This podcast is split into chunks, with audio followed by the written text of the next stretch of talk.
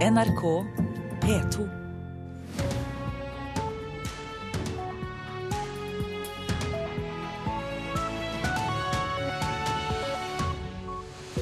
Og her får du det brede nyhetsbildet i Nyhetsmorgen. I studio Øystein Heggen. Dette er hovedsaker. Returprosjekt for somaliere har kostet mye og hatt liten effekt. Kun åtte er vendt tilbake. Reparasjon og oppbygging av husene som ble tatt av skredet på Svalbard, blir startet etter jul. Henrik Kristoffersen hyller suksesslaget han er en del av, etter slalåmseieren i Italia i går. Barn på flyktningemottak blir ikke glemt. På Hvalsmoen strømmer det inn julegaver til de aller yngste, og Nyhetsmorgen skal også være med på englejakt i Nidarosdomen. Et eh, tilbakevendingsprogram for somaliere uten oppholdstillatelse i Norge har kostet drøyt tre millioner kroner. Siden prosjektet ble startet i fjor vår, så har bare åtte somaliere flyttet tilbake til hovedstaden Mogadishu. Det er absolutt å bruke mye penger på så langt ganske få returer. Sier Katinka Hartmann, som leder returenheten i Utlendingsdirektoratet, UDI. Et enkelt regnestykke viser at prisen for hver enkelt somalier som har flyttet, er over 380 000 kroner. Hartmann tror erfaringene fra de som har reist, kan bidra til at flere blir interessert. Det tar ofte lang tid før et eh, returprogram setter seg, og før folk ser at dette er eh, noe de har tillit til, at eh, de får faktisk disse pengene når de returnerer. De vil oppleve nå at de som har returnert, faktisk driver business i dag. og klarer seg. Det er foreløpig bare personer fra Mogadishu som kan søke. Når de kommer fram, får de hjelp og økonomisk støtte til utdanning eller etablering av næringsvirksomhet. Det skjer via UDIs samarbeidspartner Dansk Flyktninghjelp. I tillegg får de gratis flyreise og 10 000 kroner i kontanter. Programmet er et pilotprosjekt og avsluttes ved årsskiftet. UDI ønsker å videreføre programmet, som Hartmann mener har vært vellykket. Fordi vi ser at eh, de som har returnert, ser ut til å klare seg bra. Prosjektet vekker også stor interesse i andre europeiske land. Så vi er jo ikke bare en pilot i Norge, men vi er en pilot på mange måter i europeisk sammenheng. Så sånn sett så har programmet faktisk vært ganske vellykket. Men det er klart det koster veldig mange penger, og vi skulle jo ønsket at det var flere som hadde benyttet seg av dette programmet. Reporter, det var Katrin Hellesnes. En helt ny type mottak for flyktninger er på trappene i Oslo. Det gamle hybelhuset på Ila blir et asylmottak der folk med oppholdstillatelse kan starte prosessen med å bli en del av samfunnet. Allerede kan de gjøre det mens de venter på en permanent bolig i hovedstaden. Eh, slik det ser ut nå, så er det ordinære mottak eh, vi har mest behov for. Det sier regiondirektør for Region øst i UDI, Eirik Eide. Håndteringen av asylstrømmen er over i en ny fase, siden det kommer færre hit til landet nå. Det er ikke akuttplasser som trengs, men ordinære mottak. Og Ila blir et asylmottak, men med en vri. For UDI og Oslo kommune vil teste et nytt grep for å gi flyktninger som skal til hovedstaden, en myk landing. Det vi ønsker å se på muligheten for, er om F.eks. mennesker som venter på bosetting i Oslo kommune, og som da oppholder seg på mottak andre steder i landet, kan bo på mottak da f.eks. på Ila i Oslo eh, i påvente av bosetting i Oslo, slik at integrerings- og kvalifiseringsløpet kan begynne enda tidligere for de som likevel skal bosettes i Oslo. Så det er for å gjøre integreringen bedre? Ja, det er det, eh, det er det, som er eh, ideen så langt. Og så har vi ikke kommet så veldig langt i planlegging, og har heller ikke avtalt noe drift. Men Oslo kommune er i hvert fall tent på oppgaven. Hovedstaden skal i 2016 bosette 1000 personer som har fått opphold. Trygve Nordby er fagsjef på asylbygg i kommunen, og han syns det er spennende å prøve noe helt nytt for å få fart på integreringen. Det er jo fantastisk hvis vi kunne nå gjøre det slik at de menneskene som sitter eh, virkesløse på mottak altfor lang tid før de kommer i gang med livet sine, kan få til et opplegg som gjør at de kan starte integreringsløpet mye tidligere. Fordi at de skal bli boende i denne byen, så er det veldig bra. Å komme tidligere i gang både med hele introduksjonsprogrammet, men også kontakten med byen og med frivilligheten og det hele, så er jo det bra for alle. Og det er nettopp det Oslo kommune ønsker nå og gå gjennom hele måten man arbeider med flyktninger på, for å se etter om vi kan få gjort det enda bedre. Både UDI og kommunen understreker at planene for det nye mottaket er helt i startfasen. Det som er klart, er at målgruppa for Ila-mottaket blir familier og enslige voksne. Ifølge UDI er det plass til opptil 150 personer i hjørnebygget på Alexander Kiellands plass. Trygve Nordby sier kommunen ikke er fremmed for å drive mottaket selv. Det er det vi diskuterer nå, men det må jo da vedtas eh, politisk her at man ønsker det. Men så langt så høres det ut som alle som har hørt om ideen, syns det er en, en, god idé. Men det skal vi nå utrede og diskutere sammen med UDI, og ikke minst eh, IMDi, som også står for selve bosettinga fra statens side. Det var fagsjef for asylbygg i Oslo kommune, Trygve Nordby, og det nye mottaket åpner til våren. Reporter Else Karine Archer. Flyktningbarna innlosjert på Valsmoen ved Hønefoss er ikke glemt. For nå bugner det av julegaver fra barn i nærområdet, og de ansatte er rørt over dette engasjementet. Her er det noen som har skrevet et kort på engelsk. I wish you a merry Christmas and a happy new year. My name is Hedda, I'm a girl. Og så står det 'from a friend'. Så det er veldig hyggelig. Lagt mye det og lagd eh, kort òg. mm. Så nå har vi fått Det har vært veldig mange av de kortene her. Det bugner av gaver i vakkert papir inne på flere av kontorene på Hvalsmoen transittmottak. Kristine Krokvik Eliassen er barnefaglig ansvarlig ved mottaket, og har hatt besøk av en rekke små julenisser i flere dager allerede. Oi, vi har fått gaver av veldig mange. Uh, vi har fått gaver av skoler, uh, lokale skoler, uh, av barnehager. Og også av frivillige som har kommet på eget initiativ og samlet inn gaver og kommet og levert. Til jente, 6-8 år. Og så står det også beskrevet at det er et nytt puslespill, en frostkjole, en annen prinsessekjole, pluss jakker og diverse ull. Og en frostdukke og uåpna Lego. Ja, hvis du får en av de her, og nå skal Kristine få lov til å leke gavmild nisse, vel å merke uten nissedrakt. For i den såkalte speilsalen på mottaket er det juletrefest. Det er juletrefest. Vi har uh, gløgg som kjøkkenet har ordna. Og så vi kjøpte inn pepperkaker og julebrus og julemusikk og et juletre. Men disse barna de må jo få sjokk, de har jo aldri vært på juletrefest før? Ja, det ser ut som de har det gøy, men det er mye store øyne der borte. Det er det.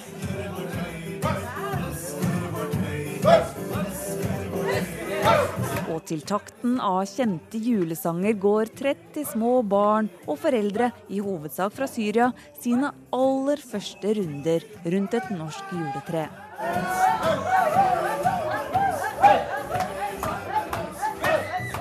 Og så kommer kanskje høydepunktet.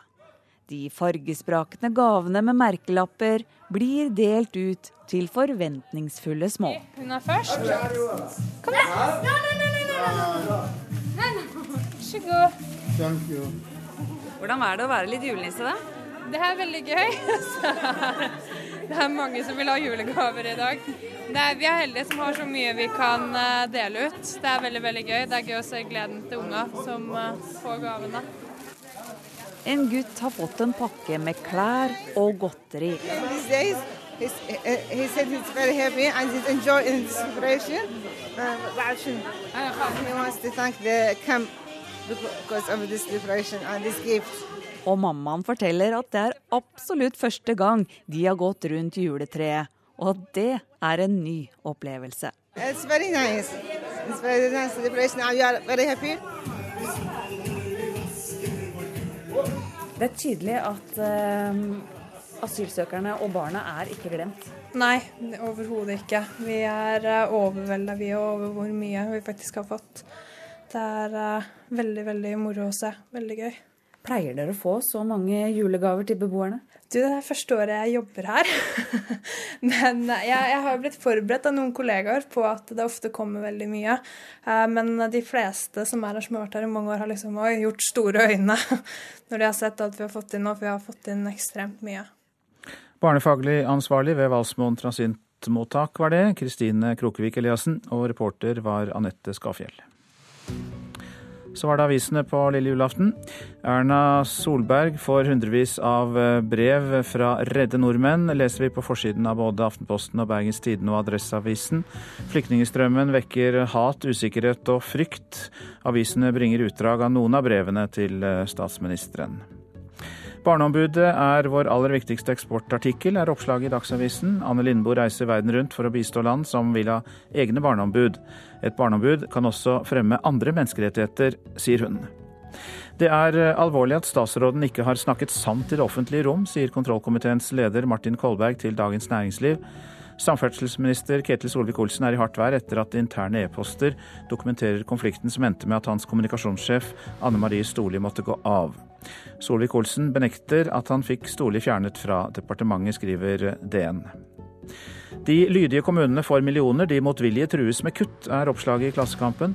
Kommunalminister Jan Tore Sanner lar det regne penger over kommuner som lykkes med å slå seg sammen. Det er ikke urimelig, svarer Sanner selv, for dagens inntektssystem belønner kommuner som ikke vil slå seg sammen. Unge slår alarm om festkultur, er oppslaget i Nordlys. Kommuner i Nord-Troms ligger på norgestoppen i klamydiasmitte. En utbredt drikke- og festkultur er en del av forklaringen, mener Hanne Larsen, leder for Skjervøy ungdomsråd.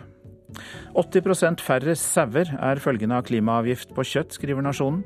Det er Norsk institutt for bioøkonomi som har foretatt beregninger og, om, og på virkningene for sauebøndene. Snåsamannen mener at hans kraft vises i den nye filmen om ham, laget av eh, Margaret Olin. Nå får folk dømme selv, sier Joralf eh, Gjerstad, som eh, også forteller Dagbladet om sine vennskap og mytene knyttet til ham. Jeg er ikke kristen, men hadde kirken og de religiøse vært som Jesus, så kunne jeg kanskje vært det. Ja, det sier SVs stortingsrepresentant Karin Andersen til avisa Dagen, som har intervjuet flere politikere om deres forhold til julebudskapet. Et barn i en krybbe i en stall pryder forsiden av Vårt Land i dag, som setter av plass i avisa til å fortelle alt om babyen fra Betlehem som fikk engler til å synge. I Oslo leter politiet nå etter en mann som skal ha tatt seg inn på Stortinget. Det forteller operasjonsleder Rune Ulsand. Vi fikk melding fra vektere på Stortinget om at det har kommet seg en mann inn på Stortinget som de løp etter. Og vi eh, er nå på området rundt Stortinget og leter, søker etter denne mannen. Vi har både hundepatruljer, politihelikopter og vanlige politibiler i søk. Hvordan kom han seg inn? Det er litt for tidlig å si. Eh, det må vi komme tilbake til. De opplyste til oss at han eh, virket som han var ruspåvirket. Så dere er inne på å søke på selve Stortinget? Vi søker i området rundt Stortinget nå. Ok, Så det vil si at han ikke er inne lenger? Eh, vi, vi, har ikke helt kontroll på den per nå, så vi søker både inne og ute rundt området rundt Stortinget. Politiets operasjonsleder Rune Ulsand til reporter Andrea Melby, og vi følger selvfølgelig med på hvordan den situasjonen utvikler seg. Sport nå. Henrik Kristoffersens slalåmseier i Madonna di Campiglio i går kveld føyer seg inn i rekken av utrolige norske alpinprestasjoner så langt i denne sesongen. Norge dominerer i nesten samtlige disipliner, og i går var Christoffersen over sekundet foran Marcel Hirschner i mål. Og Christoffersen selv hyller det laget han er en del av. Nei, For det første så har vi eh, Alle er enkeltindivider som gjør en utrolig sterk jobb. De gjør det som må til. Når du ser på Aksel, så er det, det er helt enormt det han holder på med. Alpinhistorie du sitter og ser på. Norge herjer i utfor, i super-G, i parallellslalåm og i slalåm. Vi har verdens beste slalåmløper i øyeblikket. Oi, oi, oi. Henrik Kristoffersen fra Rælingen. Fantastisk kjørt! Og for en uh, start på denne sesongen vi har hatt. Har aldri sett lignende i uh, norsk alpinhistorie noensinne. 21-åringen mener at med så mange gode alpinister på laget, blir konkurransen tøff på trening. Noe som igjen gir utslag da det gjelder som mest. Alle hater jo å tape, så hvis han blir slått på trening, så vil han jo bare jobbe hardere for å komme seg og slå han på treningen. Og når det når du har litt av den, så kommer du deg videre etter hvert. Det gjør du. Og med to suverene seire i slalåm så langt i sesongen, blir det nå en velfortjent juleferie for Kristoffersen. Nå skal jeg hjem til mor eh, i noen dager. Skal jeg hjem til, skal hjem til Rælingen. Det skal jeg. Skal jeg slappe av i noen dager. La ja, leggen og hofta hile litt. Eh, det har gått litt hardt utover den det siste, det, det siste måneden. Men eh, nei, komme meg hjem, og så reiser vi ned til Østerrike 28., tror jeg. Og da, da blir det fullt kjør igjen. Reporter her, Ørjan Bjørnstad. Dette er Nyhetsmorgen, og klokka den nærmer seg 6.48. Dette er eh, hovedsaker.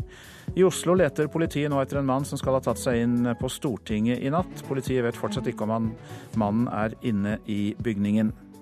Returprosjekt for somaliere har kostet mye og hatt liten effekt. Kun åtte har vendt tilbake siden prosjektet startet våren 2014.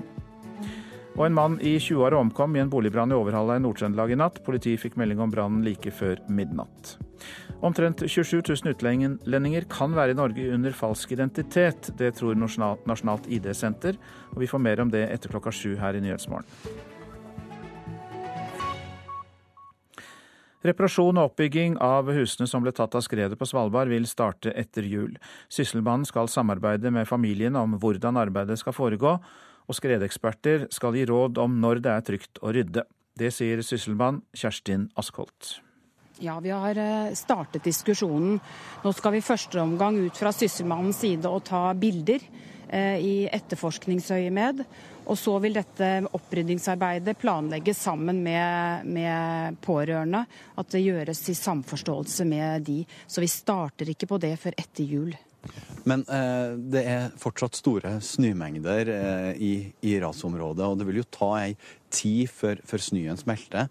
Betyr det at det vil ta lang tid å, å få alt rydda opp her? Det vet vi ikke helt ennå. Vi har ikke svar på alle spørsmål ennå. Men uh, dette er ting vi må vurdere fortløpende sammen med eksperter på skred. Når det er trygt å rydde, hvordan vi skal gjøre det osv. Så, videre. så dette må vi vurdere fortløpende og i nøye samarbeid med NVE. Og reporter her, det var Rune Norgård eh, Andreassen. Fylkesmannen i Finnmark ser en stor økning i antall klager på mobbing i skolen. Samtidig innrømmer utdanningsdirektøren at flere skoler håndterer mobbing for eh, dårlig. Og stadig oftere foregår eh, nemlig denne plagingen i det skjulte på internett. De har en gjenger, og så skriver de kanskje anonymhet til en person. Og så sier de seg 'se her hva jeg skrev'. De ble sikkert lei seg. Så sier kompisene 'ja, det var tøft og bra jobba'. Dette er det 18 år gamle Sebastian Olsen som forteller. Han har opplevd massiv mobbing både på nett og fysisk etter at han flytta fra den lille bygda Klubbukt og inn til Hammerfest for å gå på skole. Det er nesten det blitt litt kult å mobbe nå. Stians historie er ikke enestående i Finnmark. Utdanningsdirektør Lisbeth Isaksen hos Fylkesmannen har nemlig en dyster statistikk. Fra 2014 til 2015 så har jo antall klagesaker til Fylkesmannen økt fra 9 til 45. Det er jo en formidabel økning. og Vi ser at uh, veldig mange har en bevissthet rundt den muligheten man har for å klage. Det er heller ikke alle steder mobbesakene blir håndtert like godt. Ja, Da må jeg ærlig innrømme at det er veldig forskjellig. Uh, I mobbesaker så skal det være tiltak direkte mot den enkelte eleven. Uh, der er det et læringspotensial. Før så så man jo når noen ble mobba, at de ble plaga på skolen. Men nå er alt mye mer sånn anonymt og gjemt bort. Så det er vanskeligere å få gjort noe med det. Reporter Jan Harald eh, Thomassen. FNs sikkerhetsråd har fornyet en resolusjon som skal styrke leveransene av nødhjelp til Syria fra nabolandene Tyrkia, Jordan og Irak. Blant annet utvider den fullmaktene til at kjøretøyer kan ta seg inn i Syria uten samtykke fra regjeringen i Damaskus. Nå om brettspill, for det er en populær eh, julegave, og stadig flere brettspill er utviklet av nordmenn. Norske navn preger eskene på over 20 brettspill som er tilgjengelige i butikkene i dag, og ett av dem er Eilif Svensson. Det er et terningsspill, rett og slett, eh, hvor du skal eh, tegne et nettverk i en by. Eilif Svensson er en av flere nordmenn som drømmer om å utvikle den neste brettspillhiten. Han viser fram en av sine utgivelser, terningsspillet Doodle City, der målet er å bygge en by på smartest mulig måte. Hvis du tegner for mye og for gæren, så blir det forurensning, og da må du krysse av et tre, da. Byplanlegging med terning? Ja. Hvor mange spill har du eh, utvikla og fått eh, utgitt? Sju, tror jeg. Det er en blanding av egentlig både quiz og strategispill og familiespill. Så drømmen er å utvikle det, det neste Den forsvunne diamant, f.eks.? Ja, det er det. Helt klart å i hvert fall utvikle det som du er stolt av samtidig som du selger mye. Det hadde vært eh, perfekt. Og det er flere som drømmer. I dag er det rundt 25 norske titler ute i butikkhyllene, og enkelte av dem gjør det også godt i utlandet, forteller Knut Strømfors i brettspillforlaget Vennerød. Vi ser at eh, en del nordmenn har gjort det veldig skarpt i utlandet eh, med å, å skape spill som da blir utgitt på store forlag i utlandet. Hey folks, one of my favorite games that came out in 2012 was Escape, Curse of the Temple. Really like this game. Brettspillanmeldere på YouTube har lagt sin elsk på spillet Escape, utvikla av Christian Østby. Den hittil største norske suksessen internasjonalt, ifølge Remo Reder, anmelder i brettspillguiden.no. Det er veldig morsomt. Christian Østby han uh, har jo endelig greid å få til en stikk der, og ble jo også da nominert til den uh, veldig fornemme tyske brettspillprisen Spillets Jares. Spillet Escape kommer med et eget lydspor på CD, og målet er å komme seg ut fra et kollapsende tempel før lydsporet er over. En original idé er ofte nøkkelen til suksess, tror Remo Reder. Og han er jo veldig flink til å komme opp med nye spilldynamikker som er kreative. Eh, og det er jo det som er styrken også til Escape. Det går på reell tid. Eh, utrolig bråkete og støyende, og alle kaster terninger samtidig, og det er kaos. Men veldig moro. Brettspillreporter var Torkil Torsvik. I disse tider satser Nidarosdomen på å nå fram til de aller minste. Med lommelykt og vidåpne barneøyne så går de på englejakt. Eskil syns det er litt skummelt. Det litt Jeg holder deg i hånda. Ja. Sånn, da blir det ikke så skummelt. Du må passe på hvert engel. Eskil! Oi! Helt til? Olivia Bergan holder ei hvit, lang fjær i hånda. Femåringene med barnehagedressen på flokker seg rundt, strekker seg og vil gjerne kjenne og lukte på fjæra. Nå er englejakta i Nidarosdomen i gang, for ungene fra Lademoen barnehage har gjort sitt første funn. Og de vet hva de skal se etter, forteller Olivia. Englene kan ha gullvinger og med hvit kjole. Og så er det sånn der glo oppå hodet som en sånn der rund. Ser du en engel? Nei. Den andre en? Ja! Spente blikk følger med formidler Eskil Følstad, som jobber ved Nidaros domkirkes restaureringsarbeider. For det er han som leder an jakta. Øynene deres følger systematisk veggen bortover mot orgelet. Ved hjelp av lommelykta får de se ulike engler som har forskjellige oppgaver. De hjelper folk, og så synger de. Og så bruker noen ganger englene å sende bud. Og så er de veldig koselige å ha i verden. Og ser dere helt oppe på toppen, så er det en sånn stor stjerne. Og på sida av den stjerna, ser dere det? Der er det to små kuttier oppå toppen. Med gullvinger. Nå går turen fram mot vestfronten. Rosemaleriet og orgelpipene blir enorme når femåringene titter opp. Barnehager og skoleklasser har kommet hit på englejakt helt siden 2003. Og hvert eneste år har interessen vært enorm, forteller Følstad. Engler er jo en innfallsvinkel nå i juletida. Eh, Folkemuseene kan ta seg av julenissene, så kan vi ta dem med og vise dem englene. Det er både det at vi ønsker å gi dem historiene bak eh, disse kunstverkene i domen, og så ønsker vi å vise dem litt, og så gjøre dem vant til å se etter ting når de er inni her. For det er så mye å se. Men så ser dere bortpå der. Ser dere? Ja! Bortpå. Helt bortest der. Med lommelykta leter de etter engler i glassmaleri og som skulpturer. Men så En fjær! Det lukter engel. Likevel så fant de ikke engelen som har mista alle fjærene. Men det er ikke så rart, skal vi tro Leia Elnes. Hvis det blir jul, så, så, så fryser det. Og, og engler bruker å være hjemme hvis, hvis det blir kaldt. Og sammen med Lademoen barnehage i Nidarosdomen var reporter Kaja Kristin Næss. Så var det været fram til midnatt. Fjell i Sør-Norge. Sørvestlig litt kuling utsatte steder. Skyet eller delvis skyet. Det blir snøbyger, vesentlig i vestlige områder av Langfjella. Lengst øst og lengst nord stort sett opphold. Østland og Telemark ser vi samlet, og på kysten blir det sørvestlig liten til stiv kuling, varierende skydekke. Stort sett oppholdsvær og lokal tåke. Agder sørvestlig stiv kuling på kysten. I ettermiddag til dels sterk kuling vest for Oksøy. I vest i Agder regnbyger. Snøbyger over ca. 600 meter. I øst stort sett opphold, og der kan det bli gløtt av sol også. Vestlandet sør for Stad. I formiddag øking til sørvestlig stiv og periodevis sterk kuling på kysten. Regnbyger og haglbyger. Snøbyger over ca. 600 meter. Utrygt for torden. Møre og Romsdal og Trøndelag ser vi samlet i dag. Det blir sørlig liten til stiv kuling utsatte steder der. Fra i ettermiddag øker det til sørvest sterk kuling på kysten. Først kommer det kraftig vind i sør. Regnbyger og haglbyger. Snøbyger over ca. 600 meter, og det er utrygt for torden.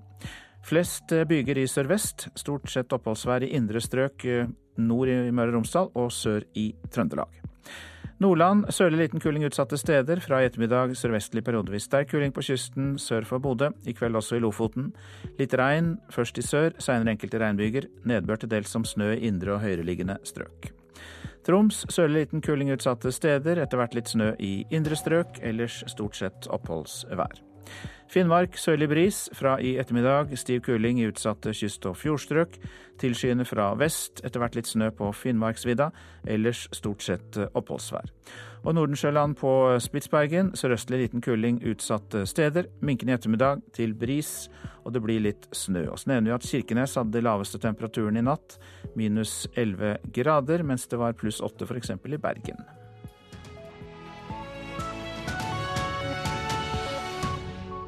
NRK P2. Om lag 27 000 utlendinger kan oppholde seg i Norge under falsk identitet. Og et returprogram for somaliere har kosta over tre millioner kroner. Bare åtte har flytta tilbake til heimlandet. Her er NRK Dagsnytt klokka sju ved Silje Sande. Om lag 27 000 utlendinger kan altså være i Norge under falsk identitet. Det tror Nasjonalt ID-senter etter å ha skanna bildet i utlendingsdatabasen med ansiktsattkjenningsteknologi. I 160, 106 tilfeller viste bildesøk at én identitet ble nytta av flere ulike personer, eller at én person har bodd i Norge under flere identiteter. Og Det blir mer om denne saka i Nyhetsmorgen på P2 og Alltid nyheter like etter Dagsnytt. Et eh, tilbakevendingsprogram for somaliere uten oppholdsløyve i Norge har kostet drøye tre millioner kroner. Siden prosjektet ble starta i fjor vår, har bare åtte somaliere flytta tilbake til hovedstaden Mogadishu. Leder Katinka Hartmann ved retureninga i Utlendingsdirektoratet vedgår at det har vært et dyrt prosjekt.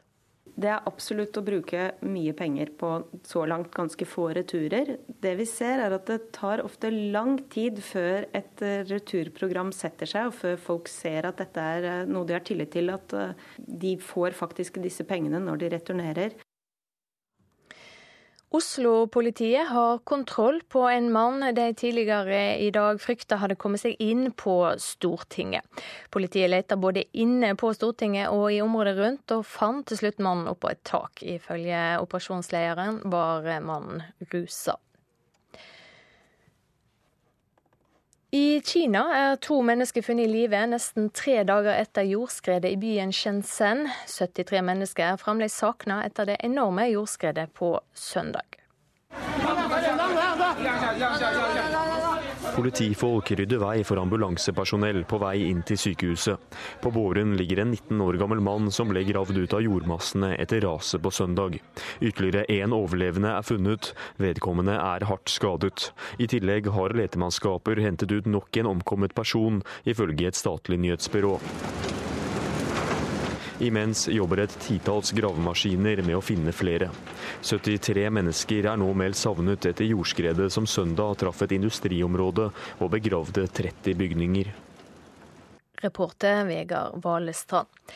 Isbjørnene på Svalbard ser ut til å klare seg bra, trass i skiftende istilhøve. En telling Norsk Polarinstitutt har gjort, syner at det er blitt flere bjørner. De mener det nå er 975 norske isbjørner mot 685 for elleve år siden. Og det var Dagsnytt. Ja, hva kan gjøres for å redusere antall utlendinger med falsk identitet her i landet, som vi hørte om i Dagsnytt? Vi spør Kari Henriksen i Stortingets justiskomité. Annet stoff i denne halvtimen i Nyhetsmorgen. En million nordmenn venter til siste øyeblikk med å handle julegaver. Det er flest unge blant de som venter lengst. Den amerikanske soldaten Bo Bergdal er beskyldt for å ha desertert da han ble tatt til fange av Taliban i Afghanistan. Og gourmetrestaurantene i Stavanger legger om stilen. Må basere seg på kunder uten så flust med penger som før. Omtrent 27 eh, 000 utlendinger kan altså være i Norge under falsk identitet. Det tror Nasjonalt ID-senter etter å ha skannet bilder i utlendingsdatabasen med teknologi for ansiktsgjenkjenning. At en ikke har kontroll på hvem folk er, er et alvorlig problem, sier Frøy Løvåsdal, seniorrådgiver og prosjektleder ved Nasjonalt ID-senter. Vi fant tilfeller der bilder av flere forskjellige personer var registrert på én ID, og det motsatte, der én ID var brukt av flere personer. Det kom fram etter at Nasjonalt ID-senter gjennomførte et pilotprosjekt der bilder av utlendinger som har søkt visum i Norge, ble skanna. 16 000 av nesten 3 millioner bilder registrert i utlendingsdatabasen ble undersøkt, forteller Løverstad. Hvis dette her er representativt for resten av databasen, så kan det dreie seg om 27, over 27 000 mennesker i Norge. Én person kan være kriminell på én identitet, få studielån på den andre og trygd på den tredje, forteller hun. Dette høres kjent ut for Magne Fladby ved Arbeids- og velferdsdirektoratet. Ja, I worst case kan man da få dobbel ytelse fordi man har to identiteter. Og Vi har eksempler på at vi har avdekket den type svindel, og vi er veldig oppmerksom på den risikoen. Bruk av falsk ID er et problem både for velferdsstaten og for tryggheten. Det er også en økende utfordring for mange velferdsetater, sier han. Det er et økende antall saker, og så mange som vi har nå, altså 90 saker, har vi ikke hatt utredning på én gang tidligere. I fjor meldte direktoratet om 18 personer til politiet som hadde svindla til seg til sammen flere millioner kroner. Det er vanskelig å generalisere hvor mye en falsk identitet eh, koster velferdssamfunnet. Det vi ser er at De 18 personene som er anmeldt de siste to årene, de har svindlet Nav for 6 eh, millioner kroner. Så det er jo et gjennomsnittsbeløp her på mellom 300 og 400 000 kroner per sak. Fladby presiserer at det er mange mørketall. For det å avdekke misbruk av ID er ikke enkelt i Norge i dag. For i motsetning til land som Tyskland, Nederland, Australia og USA, som nytter seg av ansiktsgjenkjenningsteknologi, så gjør altså Norge ikke det. Det bør det bli slutt på, mener Løvåsdal. Hvis vi hadde brukt ansiktsgjenkjenning i en sånn test, så kunne vi avdekket mer, flere tilfeller hvor det er eh, personer som benytter pass som ikke tilhører en selv. Reportere her det var Hiba Sarmadawi og Ida de Rosa. Og vi har ikke lykkes i å få kommentarer fra UDI og Justisdepartementet, men vi har kontakt med deg, Kari Henriksen, medlem av justiskomiteen for Arbeiderpartiet fra studio i Kristiansand. God morgen til deg. God morgen. Ja, altså Nasjonalt ID-senter frykter altså at så mange som 27 000 mennesker med falsk identitet kan ha tatt seg inn i Norge. Er det et overraskende tall for deg? Eh, det er i hvert fall et høyt tall. Og er, for Arbeiderpartiet er det viktig at eh, vi til, selvfølgelig til enhver tid vet hvor folk oppholder seg i Norge, og hvem de er. Eh, det å ha kontroll på hvem som oppholder seg i Norge, det handler om tryggheten til oss alle, og et så høyt tall er ganske bekymringsfullt. Nå sa jo innvandrings- og integreringsminister Sylvi Listhaug mandag at hun vil doble tiden politiet kan oppbevare fingeravtrykk av asylsøkere til ti år. Kan det være et tiltak? Eh, Arbeiderpartiet vil eh, se på alle tiltak som kan sikre at vi vet hvem som oppholder seg i Norge. Eh, og Derfor så regner jeg med at justis- eller asyl- og innvandringsministeren nå vil vil komme til Stortinget med en oversikt over hvilke tiltak som kan være aktuelle, og hva de anbefaler. Og Da er jo de rådene som Nasjonalt senter for ID, som Stoltenberg-regjeringa oppretta, er viktig. Det er et organ som skal sitte på den beste kunnskapen i Norge om hvilke tiltak som er bra å bruke. Ja, og de har jo brukt uh, teknologi som gjenkjenner ansikter i dette pilotprosjektet, dette forsøksprosjektet vi snakket om her. Kan det være aktuelt å innføre slik ansiktsgjenkjenning ved utenriksstasjoner, i politidistrikter, ved Politiets utlendingsenhet? Jeg mener at det forslaget som nå er reist, må få en seriøs og grundig behandling. Først i departementet, og så må de legge fram saken for Stortinget, sånn at vi kan få vurdert hvilke tiltak som kan være aktuelle. Og da er Nasjonalt ID-senter som sagt det organet i Norge som har høyest kompetanse på dette. Og jeg mener at de rådene som de kommer med, må selvfølgelig tillegges stor vekt. Ja, du er åpen for det, men det er ikke sånn at du sier kjør i vei, dette er viktig? Dette er jo et eh, budsjettspørsmål, og det burde sannsynligvis ha vært eh, drøfta i eh, budsjettet vi har behandla nå. Sånn at vi kan få på plass dette raskest mulig. Hvorfor er det dyrt, da? Nei, Jeg regner med at det, her koster det investeringer og sannsynligvis også penger til å få oppretta, få tilgang til disse databasene som de forskjellige landene har. Og det er selvfølgelig viktig å bruke ressurser på det som kan avdekke eh, hvem som oppholder seg i Norge. Takk skal du ha i eh, denne omgang, eh, medlem av, eh, av justiskomiteen for Arbeiderpartiet, Kari Henriksen. Vi er jo inne i de siste dager og timer med gavekjøp før jul. Ifølge undersøkelse gjennomført av Ipsos for DNB, så venter over én million nordmenn med å handle til siste liten. Og det er flest unge blant de som venter lengst. Av de mellom 18 og 29 år er det 40% som panikkhandler. Kaja Fjellberg er ute og handler på Majorstuen. Hun har ikke brukt så mye penger som hun trodde ennå, men så er hun heller ikke ferdig. Ikke så mye som jeg trodde jeg skulle komme til å bruke, men kanskje jeg kommer til å gjøre det i morgen. Ja, for det er mange som krisehandler nå som bruker mye penger på slutten, så du kan ende opp med å bli en av de i morgen. Det kan nok ganske godt hende at jeg havner der, altså. Og hun er ikke alene. Butikksjef Julian Berntsen ved gullsmedkjeden Tunes butikk på Majorstuen i Oslo forteller at salget går svært godt om dagen. Eh, her hos Tune her på Majorstuen er vi veldig fornøyd med årets julehandel. Hos Gullsmed så er jo julehandel litt mer enn det dobla en vanlig omsetningsmåte. Så det er faktisk det triple hos en vanlig gullsmed. og der er vi heldigvis. Men er, vi er jo dobbelt så mange på jobb, så alt er jo en, et regnestykke. Men heldigvis er det veldig mange blide og fornøyde kunder, så det er veldig bra.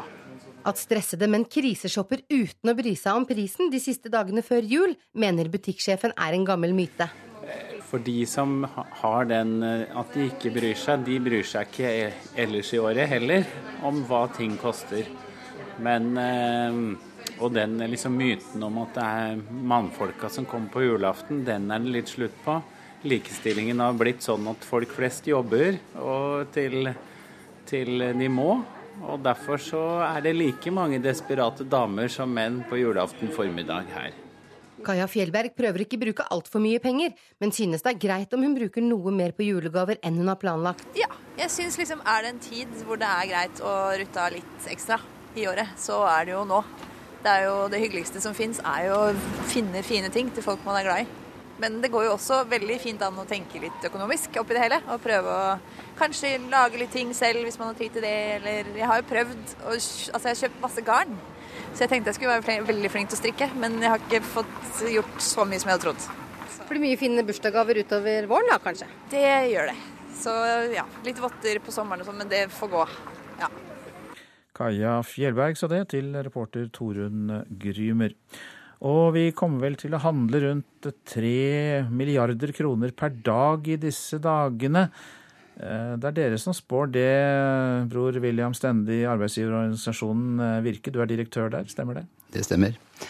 Vi skal ut og handle mye i dag. Vi handlet nok mest i går. Jeg eh, regner med at det er den største dagen i året. Med ja, bortimot 3,3 milliarder i går. Og rundt 3 milliarder i dag, tenker vi. Nå er jo økonomien mer anstrengt. Blir det likevel rekordår for handelen i år også? Ja, vi tror på en økning i handelen. Eh, nå har det vært litt svakere tall i, desember, i, begynnelsen av desember enn det var i fjor. Eh, men hvis vi ser på ukene fra uke 46, altså tar med oss litt av november, og særlig denne Black Friday-uken, så er det en vekst på over 2% Så vi tror det blir en eh, ny rekord. Men vi har også blitt flere folk, og prisene har gått litt opp. Så, så det er en moderat vekst. Ja, fordi statistikk er jo skumle greier. Det kan jo hende at det er prisene som bidrar en god del til at vi bruker mer penger? Ja, faktisk så har vi sagt det at eh, mye av den verdiøkningen som kommer denne julen, er faktisk priser. Så i volum kommer vi ikke til å bruke så mye mer enn det vi gjorde i fjor. Mm. Og sammenlignet med resten av året, hvordan er innkjøpene da i jula? Eh, nei, jula er jo viktig. altså Desember måned er eh, 35% høyere enn en normal måned.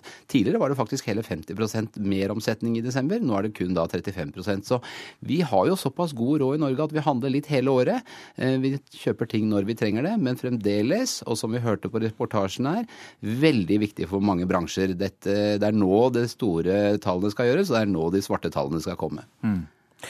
Og hvor mye er gaver, og hvor mye er mat og drikke? Har dere tall på det også? Ja, eh, vi eh, regner med at eh, ca. 42% av det vi bruker, av disse 10 730 kroner hver, det er mat og drikke. Og det er jo særlig mat og drikke som handles disse innspurtsdagene. Nå står det vel kø for å få fersk ribbe, tenker jeg, mange steder. Resten, over 6000 kroner, er da ja, forbruk, men veldig mye gaver, da. Så drøye 6000 kroner er gaver i desember. Ja, altså Ribba skal jo være saltet og pepret en stund før, så de må jo ha kjøpt inn den snart, syns jeg. Ja, de bør i hvert fall smøre den i dag, hvis den skal være god i morgen. Ja. Men eh, hvem er vinnerne av julehandel ut, utover matbutikkene, som det virker som har stor omsetning? Eh, det er klart at en veldig stor bransje er eh, klesbransjen. Eh, den har en kjempegod måned i desember. Vi har også hatt gode, gode tall. Leker er jo en bransje som har opptil tre og en halv gang så stor omsetning. Og vi hørte her ur- og gullforretninger som da har tre ganger så stor omsetning i desember. Så er, disse bransjene er avhengig av julehandelen for å komme i mål. Har dere også noen erfaringstall som kan si litt om utviklingen av kjøp i butikk kontra kjøp på nett? Ja, altså netthandelen eh, eh, Økningen på netthandel avtar. Altså Den var tre til fire ganger så høy som generell detaljhandel en periode, men nå avtar den. Den øker fortsatt? Eh, den øker fortsatt. den øker fortsatt. Men så tror vi kanskje det at valutaeffekten Hvis man sitter og handler i en utenlandsk nettbutikk i dag, så vil jo valutaen slå rett inn. Altså hvis man handler i euro eller dollar. Mens norske nettbutikker har jo ofte hatt disse varene på lager og annonsert det til en pris tidligere. Så nå kan det kanskje lønne seg å handle i norske nettbutikker. Takk skal du ha i denne omgang, direktør eh, i eh, Virke, bror William eh, Stende. Ja, Du lytter altså til Nyhetsmorgen. Klokka den passerte kvart over sju nettopp, og dette er hovedsaker. Omtrent 27 000 utlendinger kan være i Norge under falsk identitet, det tror Nasjonalt ID-senter. Kari Henriksen justiskomiteen for Arbeiderpartiet sier hun vil være med på å vurdere om ansiktsgjenkjenningsprogrammer skal innføres her i landet, slik Nasjonalt ID-senter anbefaler. En mann klarte i morgentimene å komme seg inn i stortingsbygningen. Mannen ble ifølge politiet til slutt funnet på et av takene. Og eh, en mann i 20-åra omkom i en boligbrann i Overhalla i Nord-Trøndelag i natt. Politiet fikk melding om brannen like før eh, midnatt. I Afghanistan ser Taliban ut til å ta tilbake kontroll over stadig flere distrikter. Nå sender britene en liten gruppe med ti soldater til byen Sangin i Helman, som ble angrepet av Taliban i helgen. Og London-korrespondent Espen Aas, du er med oss. Hvorfor sender britene nå inn disse soldatene? Ja, Afghanske soldater har den siste tiden vært i mange og intense kamper med Taliban eh, her, eh, i et område som eh, amerikanske og britiske soldater kjempet i årevis for å holde Taliban unna. Det var et av de områdene hvor de verste kampene pågikk. Nå ser altså, som du sier, Taliban ut til å vinne Sangin tilbake, og britene har da Eh, sett seg nødt til å slippe ned ti eh, soldater foreløpig for å bistå som en del av en større Nato-kontingent som fortsatt er igjen i Afghanistan, eh, på rundt 300 personer. Men disse britiske soldatene skal ikke selv delta i kampene, men ifølge britiske myndigheter så skal de gi råd til afghanerne, som flere steder her er mer eller mindre beleiret av Taliban. Ja, Hvor viktig er Sangin da for britene?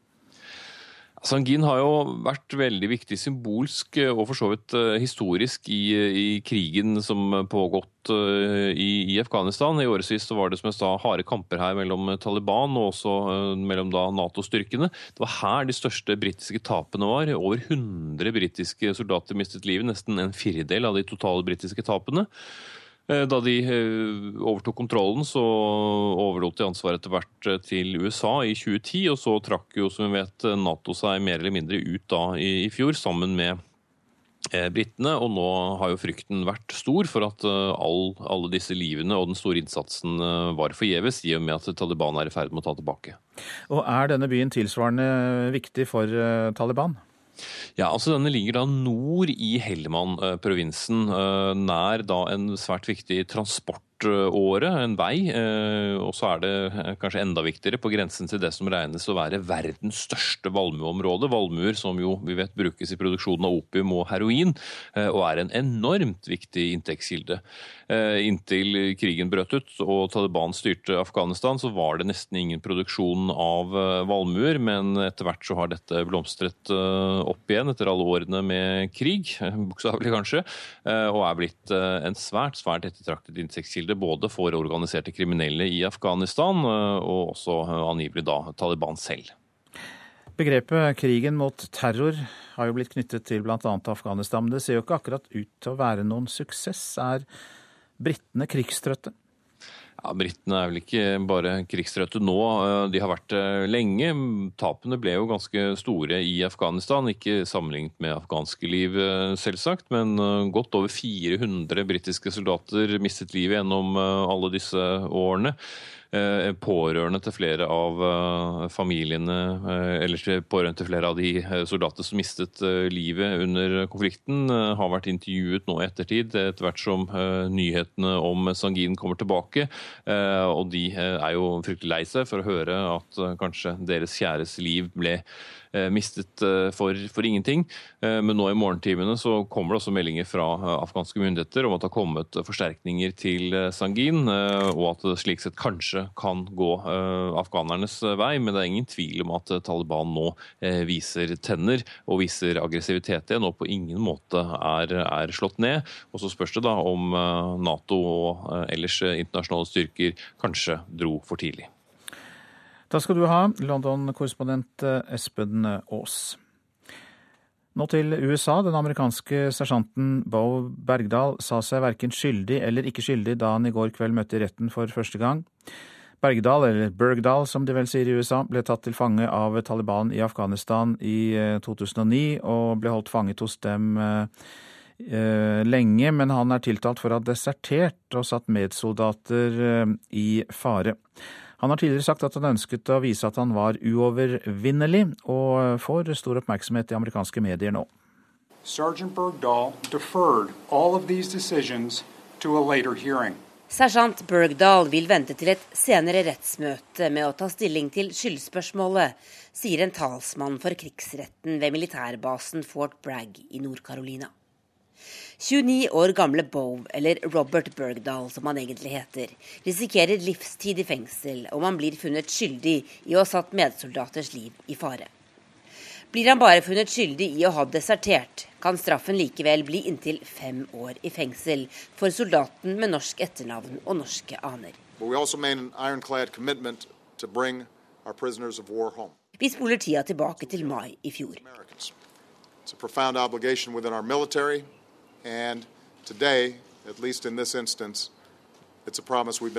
President Obama holder pressekonferanse utenfor Det hvite hus sammen med foreldrene til Bov Bergdahl.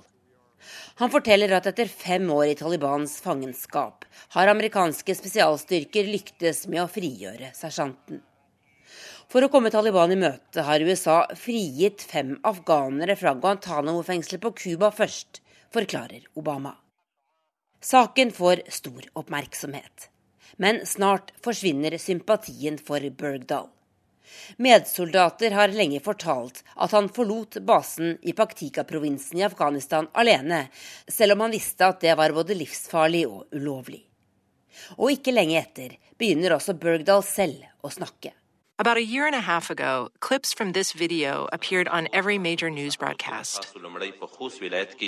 It showed the rescue of a guy named Bo Bergdahl. Dette er podkasten Serial, laget av American Public Media i Chicago. Verdens mest populære podkast, som har flere millioner lyttere, behandler én kriminalsak i hver sesong. Og i sesong to, som nettopp er begynt, er det Bergdahl-saken som er tema. So that you know I was the real thing. You know I could be, yeah. you know what Jeg ville vise verden at jeg kunne være en slik helt som dem vi ser på film, forteller Bergdahl til Serial-skaperne. Han forteller også at han forlot militærbasen den junidagen i 2009, fordi han ville vise at ledelsen ved basen ikke var god nok.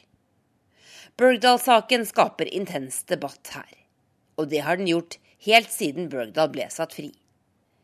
President Obamas kritikere mener det var en stor feil av presidenten å gå med på å utlevere Guantánamo-fanger for å få soldaten frigitt. Andre mener Obama brukte saken som en mulighet til å senke fangetallet i Guantánamo-fengselet. Fengselet han lovet å stenge på sin første dag i Det hvite hus, og som er blitt en av hans største hodepiner. The helicopter lands, dust flies. Bergdahl walks forward, flanked by two men. Framover vil amerikanerne kunne få rikelig med detaljer om Bergdahl-saken, parallelt med at den lukkede militære rettsprosessen pågår. Serial lover å følge hver omdreining i saken, og sitter på rikelig med materiale. Neste rettsmøte ved Fort Bragg i Nord-Carolina er 12. januar. Sa USA-korrespondent Tove Bjørgaas. Så var det det avisen er opptatt av i dag. Erna Solberg får hundrevis av brev fra redde nordmenn, leser vi på forsiden av både Aftenposten, Bergens Tidende og Adresseavisen.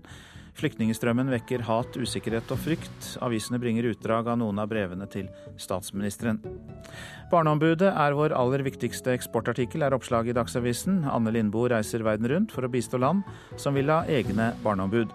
Et barneombud kan også fremme andre menneskerettigheter, sier hun. Det er alvorlig at statsråden ikke har snakket sant i det offentlige rom. Det sier kontrollkomiteens leder Martin Kolberg til Dagens Næringsliv. Samferdselsminister Ketil Solvik-Olsen er i hardt vær etter at, han, etter at interne e-poster dokumenterer konflikten som endte med at hans kommunikasjonssjef Anne Marie Storli måtte gå av. Solvik-Olsen benekter at han fikk Storli fjernet fra departementet. De lydige kommunene får millioner, og de motvillige trues med kutt, er oppslaget i Klassekampen. Kommunalminister Jan Tore Sanner lar det regne penger over kommuner som lykkes med å slå seg sammen. Og det er ikke urimelig, svarer Sanner, for eh, dagens inntektssystem belønner kommuner som ikke vil slå seg sammen. Unge slår alarm om festkultur, er oppslaget i Nordlys. Kommuner i Nord-Troms ligger på norgestoppen i klamydia-smitte. En utbredt drikke- og festkultur er en del av forklaringen, sier Hanna Larsen, leder for Skjervøy ungdomsråd. 80% færre sauer er følgende av en klimaavgift på kjøtt, skriver Nasjonen.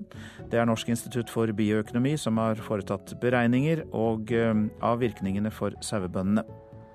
Snåsa-mannen mener hans kraft vises i den nye filmen om ham, laget av eh, Margaret Olin. Nå får folk dømme selv, sier Joralf Gjerstad, som også forteller Dagbladet om sine vennskap og mytene som er knyttet til ham. Jeg er ikke kristen, men hadde kirken og de religiøse vært som Jesus, så kunne jeg kanskje vært det, sier SVs stortingsrepresentant Karin Andersen til avisa Dagen, som har intervjuet flere politikere om deres forhold til julebudskapet. Og et barn i en krybbe i en stall pryder forsiden av Vårt Land i dag, som setter av plass til å fortelle alt om babyen i Betlehem som fikk engler til å synge. Det går mindre champagne og stadig flere dropper av vekken. Gourmetrestaurantene i Stavanger forbereder seg på å servere mindre pengesterke gjester, og må kanskje si opp ansatte for å overleve oljekrisa. Det hakkes, slipes og kokes på kjøkkenet til Tango bar og kjøkken i Stavanger. Selv om det er flere timer til de første gjestene kommer. Denne restauranten blir av ekspertene karakterisert som noe av det ypperste oljebyen har å by på.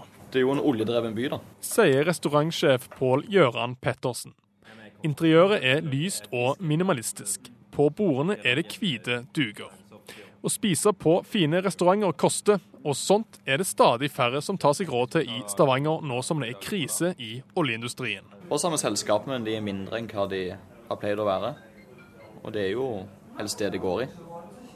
At det kommer ikke like ofte, da som det var kanskje før. Siden i fjor har omsetningen til Tango gått ned med mellom 10 og 15% Og det er først og fremst forretningsmiddagene det blir færre av. Oljebransjen bruker i mindre grad gourmetrestaurantene når de skal gjøre stas på ansatte og forretningsforbindelser. Av vekken, eller skal være til kaffen, at eh, den blir kanskje hoppet over. Så det går, det går ikke like mye sprit. Også julebordene blir det færre av. Generelt da, et julebord kanskje da er på 30 personer, siden vi ikke har den største restauranten. Så er kanskje ja, 15 til 20 istedenfor. Og vi forventer at 2016 blir uh, tøft, for å si det rett ut. Sier Arne Joakimsen, styreleder i Herlige Stavanger. Selskapet eier sju restauranter og flere nattklubber i byen.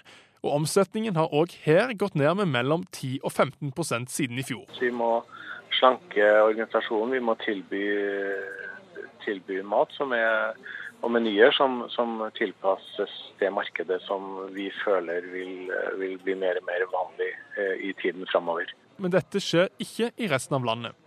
Furuset-gruppen, som driver et titalls restauranter i Oslo-området, merker ingen krise. De har heller ikke Bo Vivike, som eier flere barer og restauranter i hovedstaden. Overfor NHO Reiseliv har han til og med meldt om en økning i omsetningen. Sånn er det ikke på Tango i Stavanger, men helt krise er det ikke. For på kjøkkenet er kokkene i ferd med å gå løs på kveita som skal på kveldens meny. Restauranten må slanke budsjettet til neste år, men restaurantsjef Pål Gøran Pettersen avviser at dette vil gå ut over kvaliteten. Vi, et, vi, er jo kjent for et produkt, og vi må jo levere og holde på med produktet. Om vi skal begynne å skifte nå, da Hvem vet hva som skjer? Reporter Rolf Christian eh, Toppdal. Prosent for Nyhetsmorgen Arild Svalbjørg. Og her i studio Øystein Heggen. Og i Politisk kvarter samles kommentatorene for å analysere året som gikk i politikken.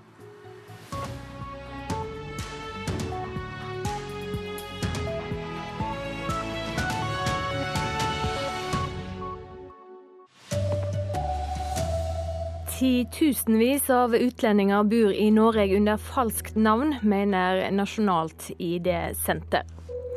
UDI har brukt 380 000 kroner per person på å returnere folk eh, til Somalia uten, eh, som ikke har oppholdsløyve her. Og ungdomsskolelærere forteller om fortvila elever som bryter sammen pga. karakterpress. God morgen, her er NRK Dagsnytt ved Silje Sande. Klokka er 7.30. Om lag 27 000 utlendinger kan altså oppholde seg i Norge under falsk identitet. Det tror Nasjonalt ID-senter etter å ha skanna bildet i utlendingsdatabasen med ansiktsattkjenningsteknologi. Det er et alvorlig problem at en ikke har kontroll på hvem folk er, sier seniorrådgiver Frøy Løvåsdal ved Nasjonalt ID-senter. Vi fant tilfeller der bilder av flere forskjellige personer var registrert på én ID og det motsatte, der én ID var brukt av flere personer. Det kom fram etter at Nasjonalt ID-senter skanna undersøkte 16 000 av nesten 3 millioner bilder registrert i utlendingdatabasen, forteller Løversdal. Hvis dette her er representativt for resten av databasen, så kan det dreie seg om 27, over 27 000 mennesker i Norge. En person kan være kriminell på én identitet, få studielån på den andre og trygd på den tredje, forteller hun. Dette høres kjent ut for Magne Fladby ved Arbeids- og velferdsdirektoratet. Ja, i worst case kan man da få dobbel ytelse fordi man har to identiteter. Og Vi har eksempler på at vi har avdekket den type svindel, og vi er veldig oppmerksom på den risikoen. Bruk av falsk ID er en økende utfordring for mange velferdsetater, sier han. Det er et økende antall saker, og så mange som vi har nå, altså 90 saker, har vi ikke hatt utredning på én gang tidligere. Men det er mange mørketall, legger han til. For det å avdekke misbruk av ID er ikke enkelt i Norge i dag. Ansiktsgjenkjenningsteknologien blir nemlig ikke nytta når utlendinger registrerer seg i Norge ved opphold i landet over tre måneder. Det bør det bli slutt på, mener Løversdal. Hvis vi hadde brukt ansiktsgjenkjenning i en sånn test, så kunne vi avdekket flere tilfeller hvor det er eh, personer som benytter pass som ikke tilhører en selv. Reportere Hibba Samadawi og Ida De Rosa. Og Kari Henriksen, medlem av justiskomiteen for Arbeiderpartiet, mener det er alvorlig at så mange kan være i Norge med falsk identitet. Eh, det er i hvert fall et høyt tall, og er, for Arbeiderpartiet er det viktig at eh, vi til, selvfølgelig til enhver tid vet hvor folk oppholder seg i Norge, og hvem de er. Eh, det å ha kontroll på hvem som oppholder seg i Norge, det handler om tryggheten til oss alle, og et så høyt tall er ganske bekymringsfullt. Og Justisdepartementet vil nå undersøke nærere om denne metoden kan brukes til å avsløre personer med falsk identitet i Norge. Det sier statssekretær Gøran Kalmyr. Oslo-politiet har kontroll på en mann de tidligere i dag frykta hadde kommet seg inn på Stortinget. Politiet lette både inne på Stortinget og i området rundt, og fant til slutt den rusa mannen oppå et tak. Han kom seg trolig inn i nabobygget til Stortinget via et stillas. To personer er skadde og innlagde på sykehus etter en eksplosjon i Råde i Østfold litt etter midnatt. Tre kamerater hadde blanda ulike stoff. De visste det kom til å smelle, men det skjedde på feil tidspunkt og kraftigere enn de hadde regna med. Den ene har fått skader i ansikt og hode, den andre er skadd i beinet. Tryggingsrådet i FN vedtok i går kveld en resolusjon som skal styrke leveringene av nødhjelp til Syria fra nabolandene. Resolusjonen åpner for at FN-kjøretøy kan ta seg inn i Syria uten godkjenning fra regjeringa i Damaskus. Sikkerhetsrådet uttrykker sterk bekymring for at livsnødvendig nødhjelp stadig ikke slipper inn i Syria. Resolusjonen om nødhjelp som ble fornyet enstemmig i går, krever at alle parter i krigen, og spesielt Assads regime, gir nødhjelpskolonner fra nabolandene Jordan, Tyrkia og Libanon adgang til Syria. Bare 29% av nødhjelpen FN har ønsket å frakte inn, er blitt godkjent det siste året, og dette er et urovekkende lavt tall. Syria står øverst på dagsordenen i FN nå i dagene før jul. We need a new deal between the international community, with Europe in particular.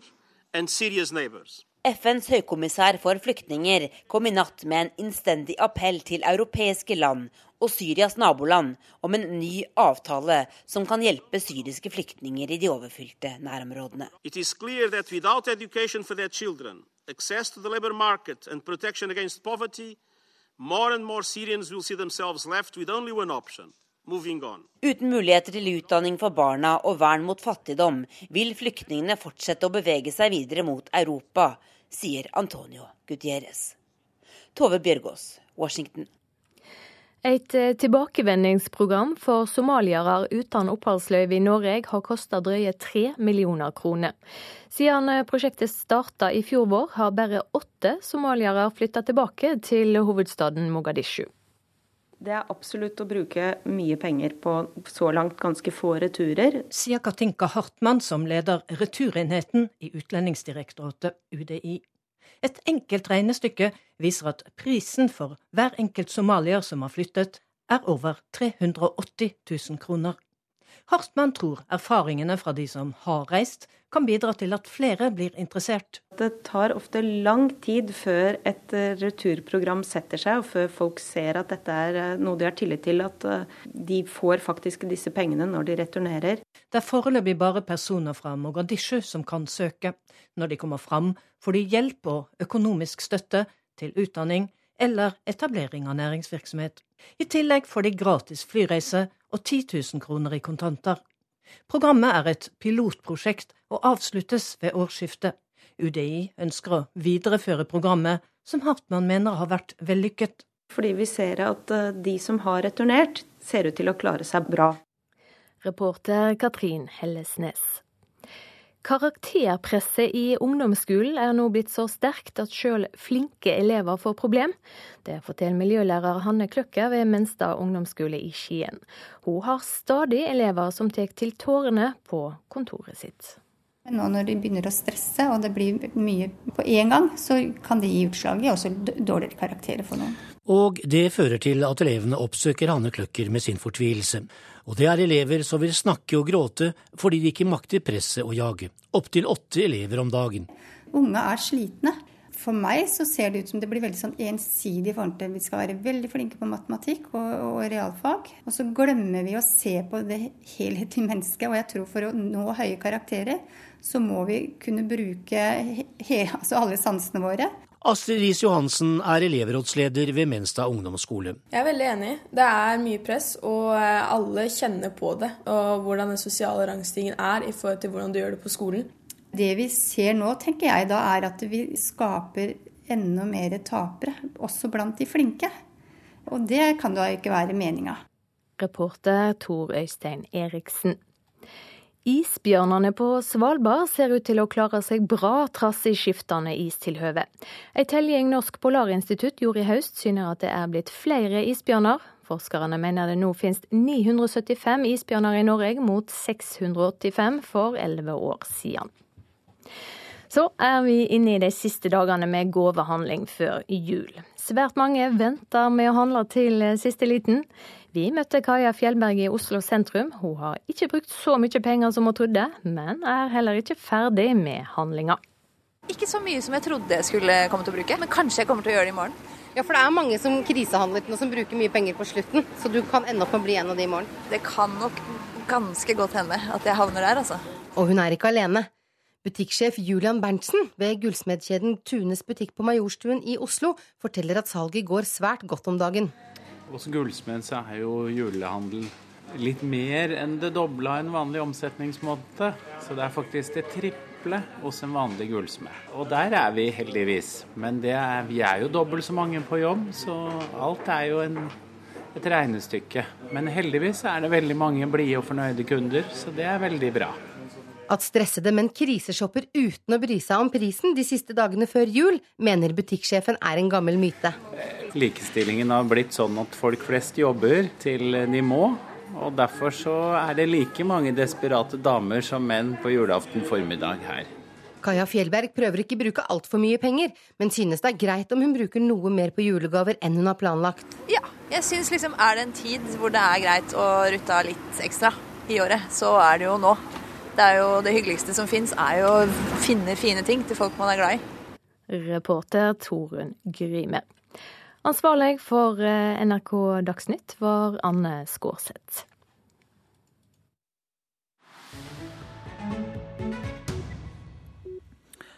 Spanias julelotteri er tema her i Nyhetsmorgen nå. Det er nemlig verdens største, med en premiepott på rundt 20 milliarder kroner.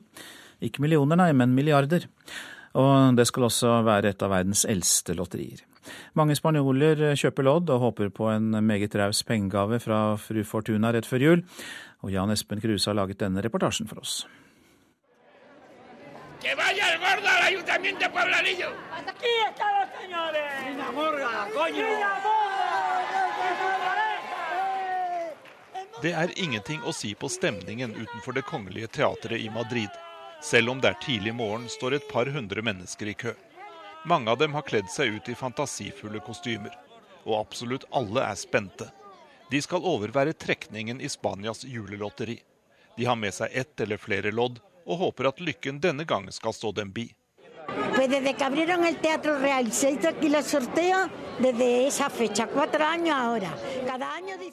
De siste fire årene har jeg vært til stede her, sier Manuela Sevilla. Hver gang har hun hatt et nytt kostyme. Denne gangen er hun kledd i noe som skal ligne maskinen som kulene med nummer ruller i. Manuela håper at drakten skal øke vinnersjansene hennes. Det spanske julelotteriet er ganske spesielt. Premiepotten er på hele 2,2 milliarder euro, eller om lag 20 milliarder norske kroner. Det gjør lotteriet til verdens største. 70% av det som kommer inn på loddsalget, går ut i premier, mens resten går til statskassa. De mi bar. Yo tengo un bar de hermanas y lo llevamos 120. 120 trabajadores. Loddene jeg har med meg er fra arbeidsplassen min, sier Lola Jimenez fra Sevilla. Der har 120 ansatte gått sammen om å delta. Til sammen har de kjøpt 57 lodd. Hvert lodd koster hele 200 euro, eller om lag 1900 kroner. Men det er også mulig å kjøpe en tiendedels lodd. Da blir en eventuell premie tilsvarende mindre. I år er det solgt flere lodd enn i fjor kanskje et tegn på at den spanske økonomien nå går litt bedre. Men det er ikke alle som vil ut med hvor mye de har investert i julelotteriet. Pues no tengo calculado. ¿No tiene calculado? No, unos cuantos, pero no mucho. Jeg har ikke helt oversikten. Jeg har kjøpt noen lodd, men ikke så mange, sier Maria Carmen Gomez. Dette skal også være verdens eldste lotteri. Det var kong Carlos 3. som tok ideen med seg fra Napoli i Italia, og det første lotteriet gikk av stabelen i Spania i 1763. Trekningen er en ganske stor begivenhet for spanjolene. I deler av landet er det temmelig stille og rolig ute i gatene når det skjer.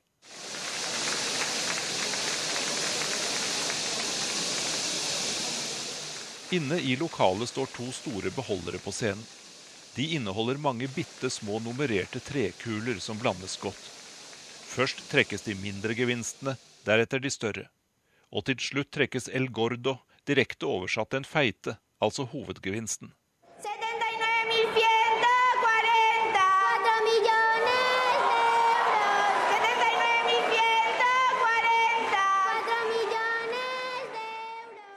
Skolebarn synger loddnummeret som er 79 140, og premiesummen som er 4 millioner euro, eller litt over 38 millioner kroner.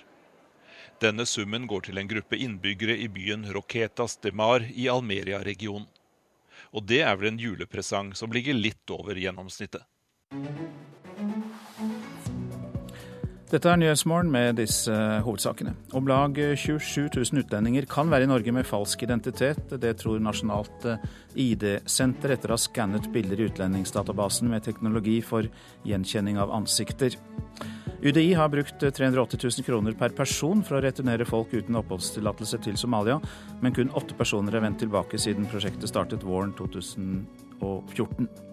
Oslo-politiet har nå kontroll på en mann de fryktet hadde kommet seg inn på Stortinget. Politiet lette både inne i Stortinget i tidlige morgentimer i dag og i området rundt.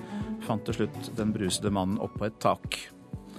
To mennesker er skadd i en eksplosjon på Sabiha Gökçen-flyplassen i Istanbul i Tyrkia i natt. Eksplosjonen skjedde på en oppstillingsplass for fly i nærheten av terminalområdet. To renholdere som var i ferd med å gjøre klar et fly, ble skadd. Så er det klart for Politisk kvarter, og der er Bjørn Myklebust programleder i dag.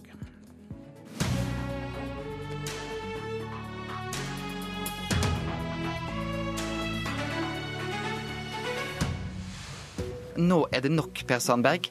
Nå bør du roe deg ned. Ny fiskeriminister blir altså Per Sandberg. ja. Lyden av 2015. Norge bør åpne for å ta imot til sammen 10 000 syriske flyktninger. Og, og, og da er det jo bare å komme.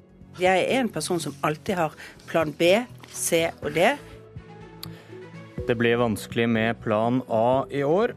Tre vise kommentatorer har kommet til Politisk kvarter dagen før dagen. Kanskje de har med gullkorn? Trine Eilertsen, Kjetil Alstaheim og Magnus Takvam, velkommen. Takk. Takk skal du ha. Oljepris og flyktningstrøm det er krefter utenfor Norge som styrer dagsordenen, men det er mulig å få inntrykk av at norske politikere likevel sitter på løsningen på problemene. Vi begynner med saken som gjorde at Erna Solberg fikk behov for noe annet enn Plan A. Asylstrømmen kom til Norge. Dere husker kanskje dette? På punkt etter punkt etter punkt så har Fremskrittspartiet nå fått gjennomslag. Og Når regjeringa nå leverer på disse tingene, så vil vi ha en av Europas strengeste politi eh, politikk eh, på dette feltet. Ja, her tror jeg du må høre på markedsføringsbehov som svarer på andre eh, etterspørsler. Du hørte FrPs parlamentariske leder Harald Tom Nesvik først. Så Arbeiderpartileder Jonas Gahr Støre. Politisk redaktør i Aftenposten Trine Eilertsen. Nå er de jo enige om politikken. Etter brede forlik om innvandringspolitikken. Men de krangler like høylytt. Ja, de har, de har, vidt forskjellige behov når de skal bruke dette forliket i offentligheten. Fremskrittspartiet har sterkt sakseierskap, som vi kaller det, til innvandringspolitikk, og har et behov på tross av forliket å vise at de har den strengeste politikken, og at det er de som har fått gjennomslag i forliket. Arbeiderpartiet sitt behov er å vise at de også, for de har også sakseierskap til dette, at de også har en streng politikk, men at de ikke er inhumane, men de vil gjerne ligge tett opp til Høyre og ikke skille lag med de på dette politikkområdet, og har nok den mest krevende kommunikasjonen ut mot, ut mot velgerne politisk kommentator her i NRK, Magnus Takvam. Arbeiderpartiet vedtok i vår å ta imot 10 000 syriske kvoteflyktninger. Nå brukes dette av Høyre og Fremskrittspartiet som forklaring på hvorfor det kom så mange i høst. Hvordan, hvordan vurderes dette vedtaket på landsmøtet innad i Arbeiderpartiet i dag? Altså, De fleste er jo lojale i forhold til vedtaket. Og jeg tror nok også de aller fleste støtter intensjonen bak vedtaket. Men som alle skjønner, så ble jo det vedtatt da konteksten rundt flyktningdiskusjonen var en helt annen. Og også stemningen i folket og i Arbeiderpartiet selv på landsmøtet var en helt annen. Men jeg har snakket med, og snakket også på det tidspunktet med Arbeiderpartifolk da fra det forrige rød-grønne regimet, som var svært kritiske til vedtaket allerede da det ble fattet.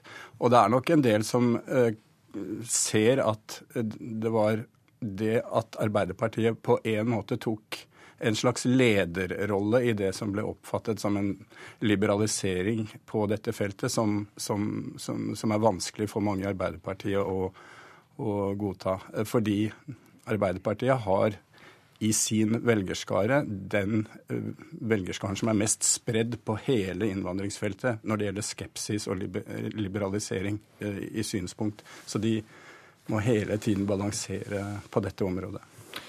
Politisk redaktør i Dagens Næringsliv, Kjetil Bragli Alstaheim. Ehm, Frp, Høyre og Arbeiderpartiet de er, som vi var inne på, enige om innvandringspolitikken etter et bredt forlik. Men så er det bare Frp som har vokst på målingene.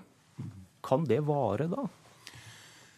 Det, eh, sånn som vi hørte Nesvik her, så, um, handler jo mye av, av den retorikken hans om å sørge for at det kan vare.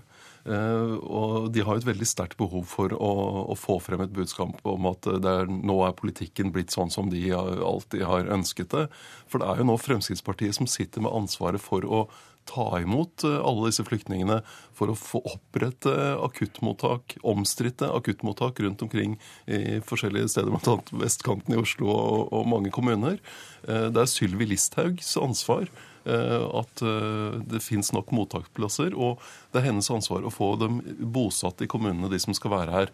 Sånn at eh, alle steder der det nå oppstår konflikter rundt enten det er akuttmottak eller bosetting, så er det jo faktisk Fremskrittspartiet som sitter med ansvaret, og som skal du si sånn, Det er de som kan klippe snoren på hvert eneste asylmottak som åpnes.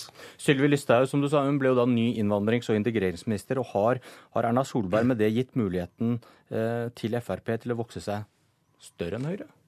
Altså, det, det, er jo et uh, dilemma for Frp. For uh, som Nesvik uh, prøver å selge det til, til, velgerne, så har de fått gjennomslag for så å si hele sin politikk. Det er bare forhandling av internasjonale konvensjoner som gjenstår.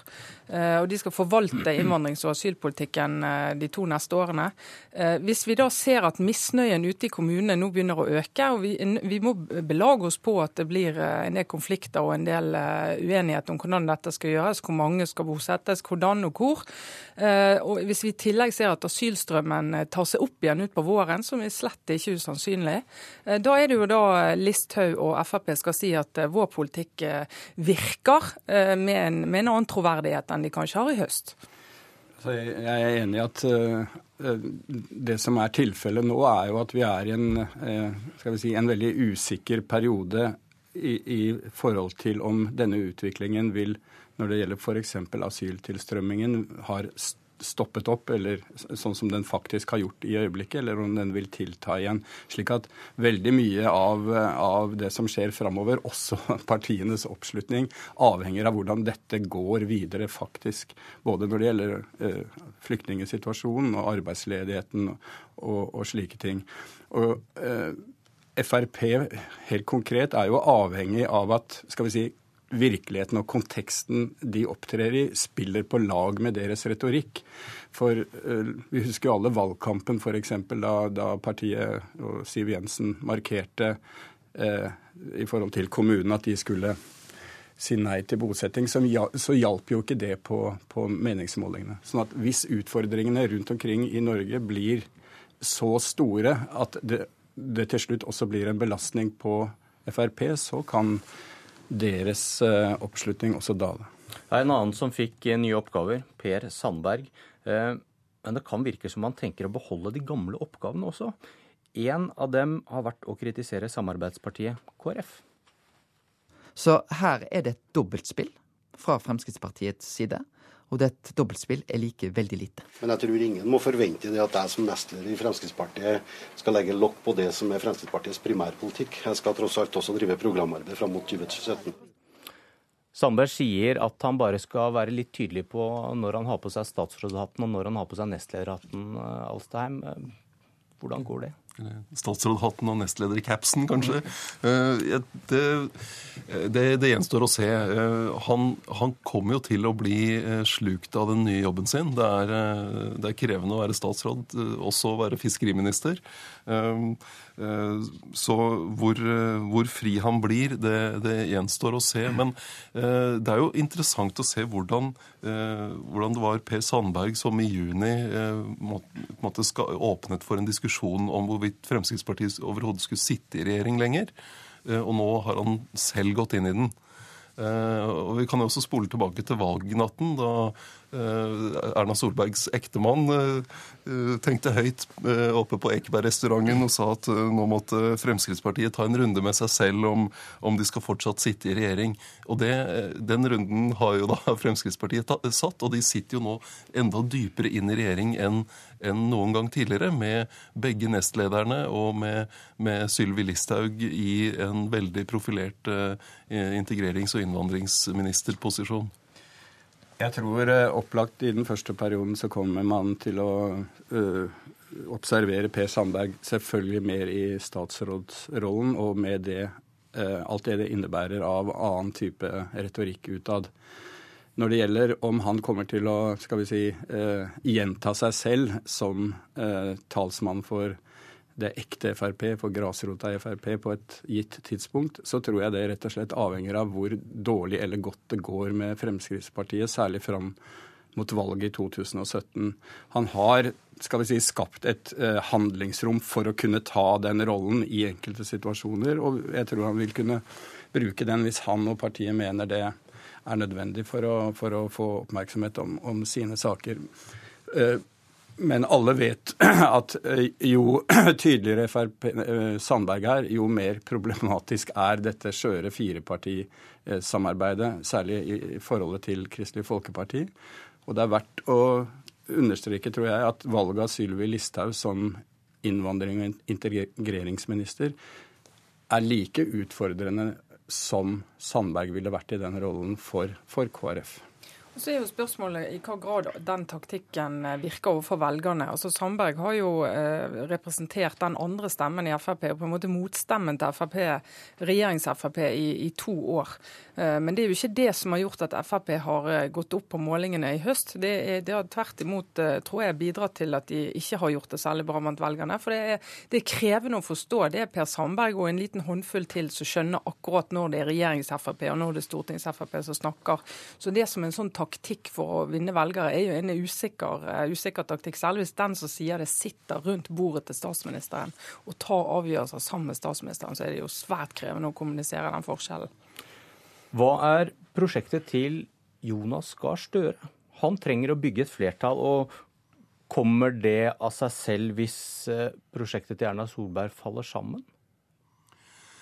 Nei, det tror jeg ikke det gjør. Eh, og det, med det omslaget du har hatt i, på målingene i løpet av dette året, så er det jo sånn at han må, eh, han må kanskje ha med seg en ganske eh, stor koalisjon for å få flertall. At det blir en, en, en sånn regnbuekoalisjon. Han må snakke med både smått og smått, og smått at jeg får si, for å, for å kunne få en flertallskonstellasjon etter valget i 2017. Eh, og, eh, og, det er jo en, en krevende øvelse. Så, um, så han, eh, da han oppsummerte her før jul, så var han jo veldig opptatt av at han, han holder alle dører åpne.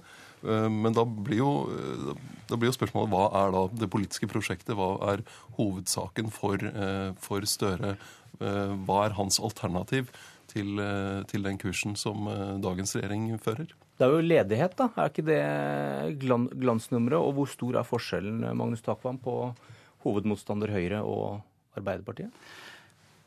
Nei, det er jo særlig skattepolitikken kanskje på, når det gjelder eh, virkemidler mot ledigheten, som er en sånn klassisk skillelinje. Men jeg, jeg tror eh, Arbeiderpartiet rett og slett driver klassisk eh, opposisjonspolitikk for tiden og satser på at det skal bringe, bringe tilstrekkelige stemmer til at det kan bli et maktskifte i 2017.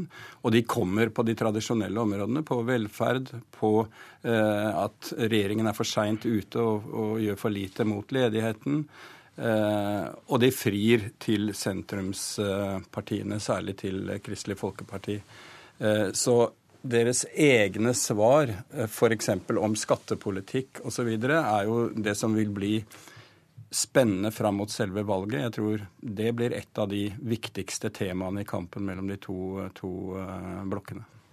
Det, er en utfordring for Arbeiderpartiet når eh, flyktning- og asylsaken er så dominerende som den har vært i høst. Veldig vanskelig for Arbeiderpartiet å markere seg politisk eh, vis-à-vis -vis Høyre. Eh, de ligger tett inntil hverandre på det området og ønsker å gjøre det. Det er de mulige styringspartiene vi kan se for oss i de årene der dette er en problemstilling i det norske samfunn, og de har felles interesse av at de har en noenlunde stabil politikk på det. Så med mindre den saken på en måte kommer inn, inn i en slags driftsfase der den ikke er så høyt på agendaen, så er det vanskelig for Arbeiderpartiet Arbeiderpartiet å nå gjennom med problematisering av, av, ledighetstiltak og av velferdsutfordringer og en del sånne ting som er klassiske Arbeiderpartisaker. Kan selvfølgelig endre seg frem mot 2017, eh, men vi ser ikke, vi ser ikke nødvendigvis et sånt flertallsregjeringsalternativ. Kan finne støtte i Stortinget hos de små partiene, men ikke nødvendigvis en sånn klassisk flertallspartiregjering som vi har eh, blitt vant til. Noe av det Støre vil bli nødt til å, eller vil få mange spørsmål om etter hvert, er jo hvordan han skal Eh, hvordan, hva slags politikk det, blir ut av de samarbeidene han eventuelt må, må inngå. Eh, F.eks. i debatten om ledighet og problemene i, i oljenæringen. Eh, skal han løse det ved å samarbeide med Miljøpartiet De Grønne, som vil bygge den næringen raskere ned? Det vil jo være et problematisk budskap, ikke minst på Vestlandet. Så spørs det, om, kommer Venstre og KrF til å gå, på, gå til valg på å beholde dagens regjering? Jeg, jeg, tror ikke det. Men uh, det ideelle for de to partiene er en klassisk Bondevik II-regjering med Høyre, KrF og Venstre. Det er det de ideelt sett kunne tenkt seg. Men nå er da, som alle skjønner, Frp utfordringen. Jeg tror de kommer til å jeg tror KrF kommer til å fristille seg fra det prosjektet som er nå, og hva Venstre gjør, er mer usikkert. Men jeg tror de kan kreve at Frp ikke skal fortsette i regjering. I morgen i Politisk kvarter, Siv Jensen og Knut Arild Hareide. Dette var dagens ved Bjørn Myklebust. Hør flere podkaster på nrk.no podkast.